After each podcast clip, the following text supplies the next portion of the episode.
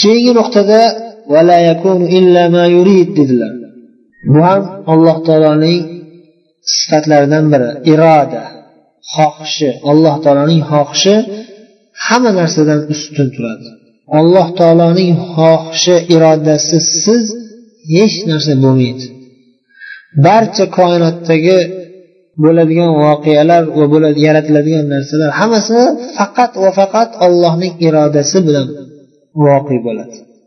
Alloh taolo o'zining xohlagan ishini bajaruvchi zot ekanligi haqida xabar berib qur'oni karimda buruj surasida aytadiki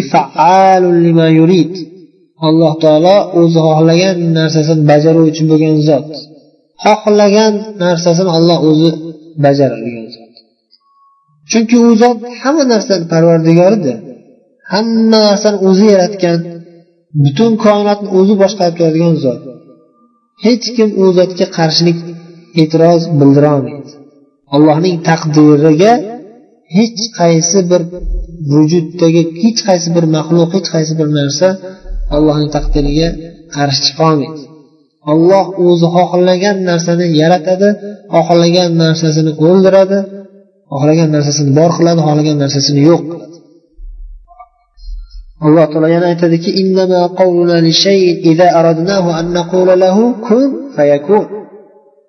agar bir narsani paydo qilishni xohlasak unga kun paydo bo'l deb aytamiz. Fayakun darhol o'sha zahoti ana shu narsa paydo bo'ladi dedi. Alloh taolo xohlamagan narsa hech qachon voqeda bo'lmaydi.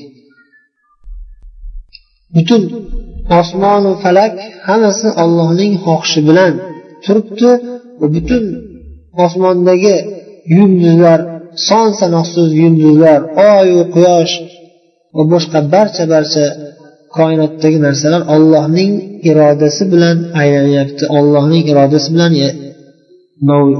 mavjud bo'lgan ollohning irodasi bilan o'zini vazifasini bajaryapti.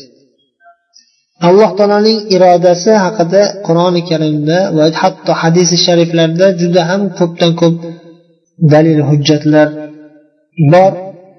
Ularni hammasini keltirib o'tirilsa agar oxiriga yetish ham qiyin bo'ladi.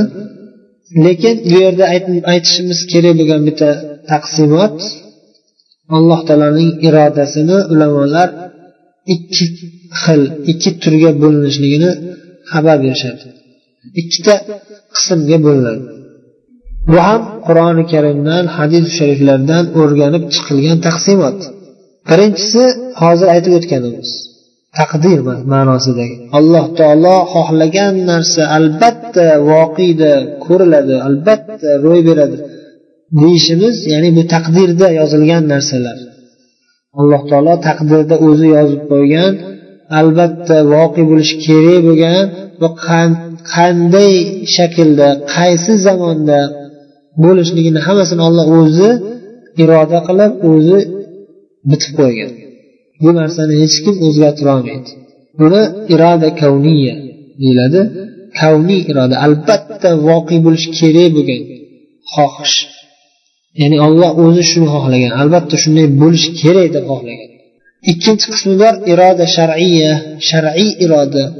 Deb aytiladi. Iroda shar'iya degani bu alloh taolo yaxshi ko'rgan narsalarga aytiladi. Iroda shar'iya alloh taolo yaxshi ko'rgan narsalar. Alloh taolo shar'an xohlaydigan narsalar ya'ni shariat qilib buyurgan shariat qilib shunga da'vat qilgan chaqirgan bandalaridan shuni bajarishlarini xohlagan narsalar. Lekin hech kimni majbur qilmagan. Olloh buyurgan lekin majburiy buyruq emas. Bo'lgan narsalarga iroda shar'iya deyiladi. Masalan iymon keltirish namoz o'qish ro'za tutish zakot berish ilm olish amal qilish da'vat qilish bular hammasi nima? Iroda shar'iyaga kiradi. Shar'iy iroda. Olloh shar'an olloh shuni xohlaydi shuni yaxshi ko'radi. Va shu narsalarni bajarilishidan rozi bo'ladi. Va hokazo birinchi qism bu taqdir dedik. Qazoi qadar. Albatta olloh xohlagan narsa bo'ladi deyishimiz bu taqdir ma'nosidagi. Albatta voqe bo'lishi kerak bo'lgan azalda taqdirda yozib qo'yilgan narsalar. Bu narsalarni ichida olloh yomon ko'rgan narsalar ham bor. Masalan shaytonni yaratilishligi kofirlar kofir bo'lishligi fosiqlar fosiq bo'lishligi va hokazo olloh yomon ko'radigan narsalar bor bu dunyoda. Xuddi buning muqobilida olloh yaxshi ko'radigan narsalar ham bor bo'lib kelayotganligi. Farishtalar mo'minlar alloh taologa ibodat qilishlari payg'ambarlar allohga da'vat qilib kelganliklari bular shar'iy narsalar olloh yaxshi ko'rgan narsalar va ayni paytda ham alloh taolo yaxshi ko'rgan alloh taolo taqdir qilgan narsalar. Bo'lib o'tganlarini aytyapmiz. Kelajakda nima bo'lishini bilmaymiz. Bo'lib o'tgan voqealarni masalan aytamizki hammasi olloh taqdirida yozilgan narsa. Lekin ularning ba'zilari shar'iy irodaga kiradi ba'zilari faqat kavniy iroda. Ya'ni misol uchun misol uchun. Muhammad sollallohu alayhi vasallamni payg'ambar bo'lib odamlarni da'vat qilib ham o'zlari ham iymon ketib ibodat bilan o'tishliklari va ummatlarini da'vat qilib o'tishliklari bo'lib o'tib ketib bo'lgan narsa voqeda voqeda ko'rilgan o'tib ketgan bo'lgan voqea o'tgan voqea. Bu narsa bu bo'lgan. Buni aniq bilamizki ham iroda kavniya edi ham iroda shar'iya bo'lgan. Ham taqdirda yozilganligini bildik. Va hamda olloh yaxshi ko'rgan narsa ekanligini bildik. Ayni o'sha paytda abu jahl bo'lgan abu lahab bo'lgan va hokazo boshqa kofirlar bo'lgan. Payg'ambarimizga qarshi chiqqan kofirlar. Ular ham kofirligini qilib o'tib ketdi. Kofir bo'lib o'tib ketdi. Payg'ambarimizga qarshi urushib o'tib ketdi. U ham bo'lgan voqea. Lekin faqat iroda kavniya taqdirda shunday bo'lishi kerak deb yozgan alloh taolo shunday bo'lgan. Buni qachon bildik buni o'tkazgandan keyin. Lekin iroda shar'iya emas. Alloh taoloni yaxshi ko'rgan narsasi emas bular bu narsalar. Alloh taolo unaqa bo'lishini yomon ko'rardi. Lekin o'sha narsa bo'ldi. Nimaga bo'ldi? Chunki iroda kavniyasida olloh o'zi taqdir qilib qo'ygan. Allohni irodasi iroda kavniyasi bilan bo'ldi. Ammo iroda shar'iyasi bilan emas. Iroda shar'iya shar'iy xohishi bilan emas. Shar'iy xohishi buni teskarisi edi. Abu jahlni musulmon bo'lishga chaqirilgan. Alloh taolo abu jahlni ham abu lahabni ham musulmon bo'lishini xohlagan edi. Yaxshi ko'rgan edi. Shu musulmon bo'lsa rozi bo'lardi. Lekin ular musulmon bo'lmadi. Shar'iy iroda amalga oshmadi. Kavniy irodasi amalga oshdi. Mana shu jihatda ulamolar ya'ni tushunishimiz osonroq bo'lishi uchun mana shu taqsimotlarni bayon qilishgan. Alloh taolo xohlagan narsa ikki qismga bo'ladi. Mashia bor mashia allohning xohishi bu ham ya'ni mashia deb tur arabchada faqat taqdirdagi mashiatga aytiladi. Taqdirda yozilgan albatta albatta ro'y berishi kerak bo'lgan voqeda albatta ko'rilish kerak bo'lgan olloh biladigan narsalar. Biz bilmaymiz kelajakda nima bo'lishini. Lekin aniq bilamiz biladigan olloh xabar bergandan keyin bilgan narsamiz shuki kelajakda ham o'tganda qanday bo'lgan bo'lsa shunga o'xshash kelajakda ham musulmonlar bo'ladi ham kofirlar ham bo'ladi. Kofirlarni kofir bo'lishini alloh taolo taqdirda yozib qo'ygan lekin biz bilmaymiz. Bizga nisbatan g'ayb ilmi lekin alloh taologa ma'lum narsa bu. Demak deb imom tuhoviy الله aytayotgan so'zlari kavniy iroda. Alloh taolo xohlagan narsadan boshqa hech narsa bo'lmaydi deyaptilar. Faqat va faqat olloh xohlagan narsalar ro'y beradi. Alloh taolo xohlagan narsagina vujudga keladi. Alloh taolo xohlagan narsa alloh qanday xohlagan bo'lsa o'shanday bo'ladi. Ya'ni alloh taolo masalan ma'lum bir narsani yaratilishini xohladi yaratildi. Ma'lum bir narsani o'ldirilishini xohladi o'ldirildi. Shunday. Alloh taolo qanday xohlagan bo'lsa ana shunday bo'ladi. Nimaga buni aqidaga kirgizib aytilyapti? Birinchidan bu taqdir qazoy qadarga iymon keltirish iymon rukunlaridan bittasi. Iymon rukunlari oltita shulardan biri qazoy qadarga iymon keltirish. Albatta olloh taqdir qilgan narsa amalga oshadi deb iymon keltirish. Xoh u narsalar yaxshi allohga yoqimli olloh shar'an yaxshi ko'rgan narsalar bo'lsin. Xoh allohga yoqmaydigan olloh shar'an undan qaytargan olloh harom qilgan narsalar bo'lsin. Lekin taqdirda yozilgan bo'lsa albatta amalga oshadi o'sha narsa. Bu bilan islom tarixida paydo bo'lgan ba'zi bir adashgan toifalarga rad bermoqchilar. Masalan mo'tazila toifalari.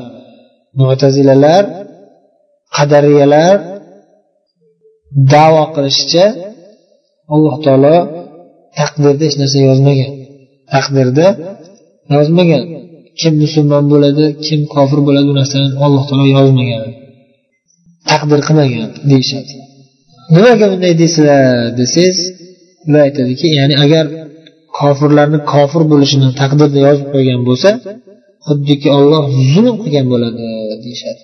Ya'ni bu masalani aqlga o'zlarini noqis aqllariga havola qilib hukm chiqarishyapti. Alloh taoloni ishlarini biz aql bilan muhokama qilishga haqqimiz yo'q. Chunki bizni aqlimiz boshqa sifatlarimizga o'xshash noqis aql noqis narsa. Qulog'imiz masalan bir necha kilometr masofa uzoqlikdagi narsani eshitmaydi misol uchun. Qulog'imiz eshitishlik quvvati o'ziga yarasha kichkinagina kuch eshitishlik kuchi eshitishlik organimiz bizda masalan ma'lum bir masofadan uyoqdagini yoki ma'lum bir ovozdan pastroq ovozni eshitolmaymiz ma'lum bir ovoz balandligidan ma'lum bir balandlikdan oshib ketsa qulog'imiz ko'tarolmasdan teshilib qolib hatto ovoz bilan ham qatl qilinib ketib qolishimiz mumkin. Alloh taolo ba'zi bir qavmlarni sayha qichqiruv ovoz bilan o'ldirgandek bizni ojiz qulog'imiz o'zini haddidan o'tib ketolmaydi bu va ko'zimiz ham hatto ma'lum bir masofagacha ko'radi ko'zimiz. Yog'ini ko'rolmaydi ko'zini oldidagi yaqin narsalarni ham agar o'rtada to'siq bo'lsa ko'rolmaydi. Devor orqasidagi narsani ko'rolmaydi. Masalan oddiy ko'zimiz ham ojiz. Xuddi shunga o'xshab aqlimiz ham ojiz. Alloh taoloni bizni aqlimiz alloh taolo biz bandalarini aqlini ma'lum bir darajada ojiz o'ziga yarasha qilib yaratgan. Shu ojiz insonni o'ziga yarasha qilib yaratgan. Shunday bo'lgandan keyin bu aqlimiz bilan alloh taoloni sifatlarini alloh taoloni ishlarini muhokama qilishga haqqimiz yo'q. Alloh taolo bizga ko'rsatgan chizig'idan u yoqqa chiqib ketsak halokatga ketamiz olloh ko'rsatgan chizig'idan chiqmasdan olloh buyurgan narsaga iymon keltirib yashasak ana shunda baxtli bo'lamiz. O'shaning uchun mo'tazilalar va boshqa toifalar ham adashib ketishiga asosiy sabab shariat masalalarini qur'oni hadis oyat qur'on oyatlarini hadis shariflarni o'zlarini aqllariga muhokama qilib aqllari bilan qur'on oyatlarini ustidan hukm chiqarishadi. Yo bu oyat unaqa emas bu oyat bunaqa emas. Bu ollohni sifatlarini ustidan hukm chiqarishga kirib ketib qolishadi. E ollohni bu sifati aqlga to'g'ri kelmaydi. Aql aql bunday deyapti bunday deyapti. E sizni aqlingiz nima o'zi? Shunaqa kuchli aqlmi? Nimaga bu narsalarga aralashasiz? deb ahli sunna rad berishadiki aql bilan shariat ustidan hukm chiqarilmaydi aql bilan allohni ism sifatlarini ustidan hukm chiqarilmaydi. Olloh bergan aqlni olloh ko'rsatganday ishlatish kerak olloh o'rgatganday ishlatish kerak. Bu bir jihatdan raddiya. Birinchi o'rinda sizlar aqlni ollohni sifatlariga aralashtirmanglar. Aqlli aqlinglar bilan ojiz noqis aqllaringiz bilan ollohni sifatlari ustidan muhokama o'tkazmanglar deymiz. Ikkinchidan ayni shu ojiz noqis aqllari bilan aytgan gaplarini biz ham shu oddiy ojiz aqlimiz bilan rad qila olamiz. Chunki ularni davolariga qarasangiz ularni o'sha ojiz noqis aqllari bilan aytayotgan davolari nima ularning davolari shuki alloh taolo kofirlarni kofir bo'lishga majbur qilmagan taqdir qilmagan shu narsani. Taqdir qilgan bo'lsa majburlagan bo'lib qoladi olloh zulm qilgan bo'ladi deyishadi. Bo'lmasa alloh taolo taqdir qilmagan bo'lsa demak alloh taolo ularni ustidan xo'jayin emas degan gap kelib chiqadi. Nimaga? Chunki alloh taolo alloh taoloni buyrug'i ya'ni alloh taoloni irodasi kavniy irodasi yo'q. Olloh masalan shu odam kofir bo'lsin desa o'sha odam yo'q man musulmon bo'laman alloh taoloni irodasidan mani irodam kuchli. Yoki alloh taolo shu odam musulmon bo'lsin desa yo'q man musulmon bo'lmayman kofir bo'laman. Alloh taoloni irodasidan mani irodam kuchli. Alloh taolo xohlagan narsasini qila olmaydi degan ma'no kelib chiqadi. Allohning mulkidan ko'p narsani ular chiqarib tashlashgan bo'lishadi. Bu gap bilan olloh kimnidir kofir qilaman desa qo'lidan kelmaydi allohni degan gap kelib chiqadi. Alloh asrasin astag'firulloh alloh taolo o'zining hikmatiga binoan va qudratiga binoan xohlagan ishini qiladi. Xohlagan bandasini kofir qilib qo'yadi. Va shu bilan birga u zulm qilmagan bo'ladi. Shu bilan birga alloh taolo hech qaysi bandasiga zulm qilmagan bo'laveradi. Degan qur'oni karimda alloh taolo o'zi qilayotgan ishlarini nima uchun bunday qilyapti deb so'rashga so'ralmaydi hech kim haqqi yo'q alloh taolo nima uchun bunday qilyapti deb so'rashiga bandalar so'raladi nima uchun bunday qilding deb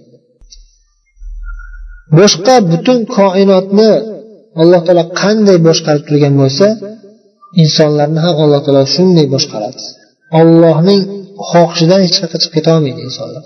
Ya'ni taqdiridan hech qayerga chiqib ketolmaydi allohning qudrati buyukligi hamma narsadan ustun. Olloh xohlagan narsasini xohlagan suratda xohlagan vaqt bajaradi. Keyingi nuqtada aytyaptilarki la avham va la afham. Alloh taoloni turli xil xayollar gumonlar tasavvur qilib yetolmaydi. Alloh taologa u zotni qandayligini tasavvur qilib har qancha gumon qilib har qancha xayol farazlikka berilib chuqur ketib har xil xayollarga borsa ham baribir alloh taoloni haqiqatini topolmaydi. Alloh taoloni haqiqatiga yetolmaydi. Mohiyatini tasavvur qilolmaydi.